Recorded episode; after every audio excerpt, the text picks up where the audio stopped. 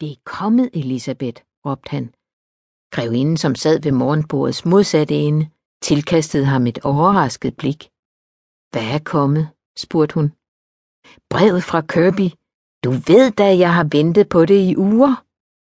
Ja, naturligvis, Hugo, og det har gjort dig helt umulig. Hvad skriver han? Jarlen læste brevet endnu en gang, og der var ingen tvivl om, at han var tilfreds med hver eneste ord. Endelig sagde han, han vil have, at Letty rejser til Singapore i næste måned ombord på P&O-lineren Osaka. Til Singapore? Spørgsmålet lød nærmest som et skrig, og Lady Letty børn, som også sad ved bordet, satte sin kop fra sig med rystende hænder. Til Singapore, papa, gentog hun. Nej, nej, det kan jeg ikke. Hør, Letty, sagde hendes far beroligende. Vi har drøftet dette før. Du lovede mig, at du ville glæde dig til at blive gift med Maximus Kirby. Ikke i Singapore, papa. Du sagde, at han ville komme hertil. Desuden er det længe siden, jeg lovede noget. De sidste ord var kun en fortvivlet visken, og nu var Lady Lettys blå øjne fyldt med tårer. Jeg vil ikke gifte mig med ham, papa. Jeg vil ikke giftes med nogen. Det er vanvittigt, Letty, og det ved du, blandede grevinden sig i samtalen. Skønt hendes stemme var hård, udtrykte hendes øjne medfølelse, da hun så på sin yngste datter. Jamen, Letty, du fandt da Maximus Kirby meget tiltrækkende, da han besøgte os, sagde jarlen i samme tone, som man anvender over for små børn. Han gav mig de små papegøjer, sagde Letty med rystende stemme. Det var pænt af ham, men jeg vil ikke giftes med ham. Og jeg vil ikke hjemmefra. Jeg ønsker at blive hos dig, papa. Jarlen så på sin datter, og han vidste ikke, om han skulle le eller græde. Han kunne ikke fordrage tårer, og han havde altid haft svært ved at sige nej til Letis.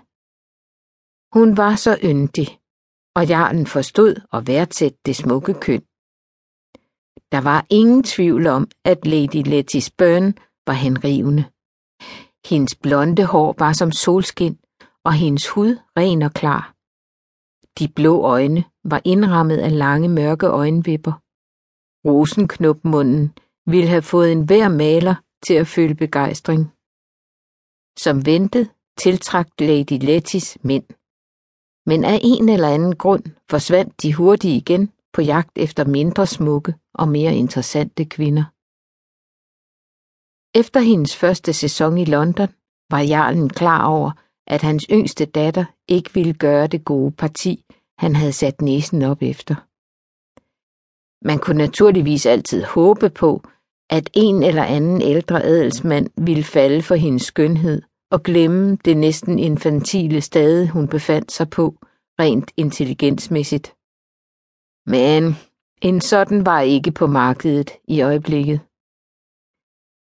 Letty har ikke noget at sige andre mennesker, og det forekommer mig, at hun heller ikke forstår at lytte, sagde jarlen til sin kone efter et bal, som havde afsløret, at den smukke Letis manglede dansepartnere hen mod slutningen. Jeg ved det, Hugo, havde grevinden svaret.